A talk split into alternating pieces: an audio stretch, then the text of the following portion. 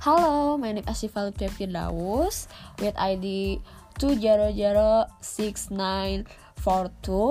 Her, I will agree with the answer from group 7 that have been described by Putri and Kiki, namely to from a young generation who are good and smart citizens in changing globalization. The young generation must be equipped with knowledge and learning to understand the good and bad impacts globalization through Pancasila and citizenship citizenship education learning it is very necessary to foster an attitude to, of the citizen expected by the nation.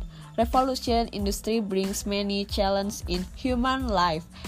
Industry revolution eh, has fundamentally changed the way humans do activities and has had a big impact towards and behavior and habits to citizens, especially youth.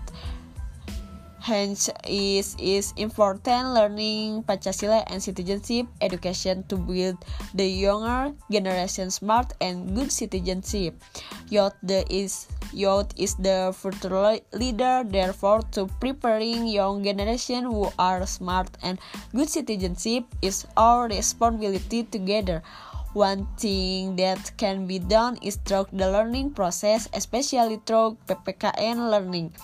This effort aims to prepare the younger generation to face the challenge of the industri industrial revolution for the hope and future of the Indonesia nation.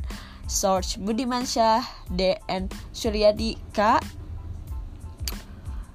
Civic and Multicultural Society Bandung Indonesia Education University Thank you.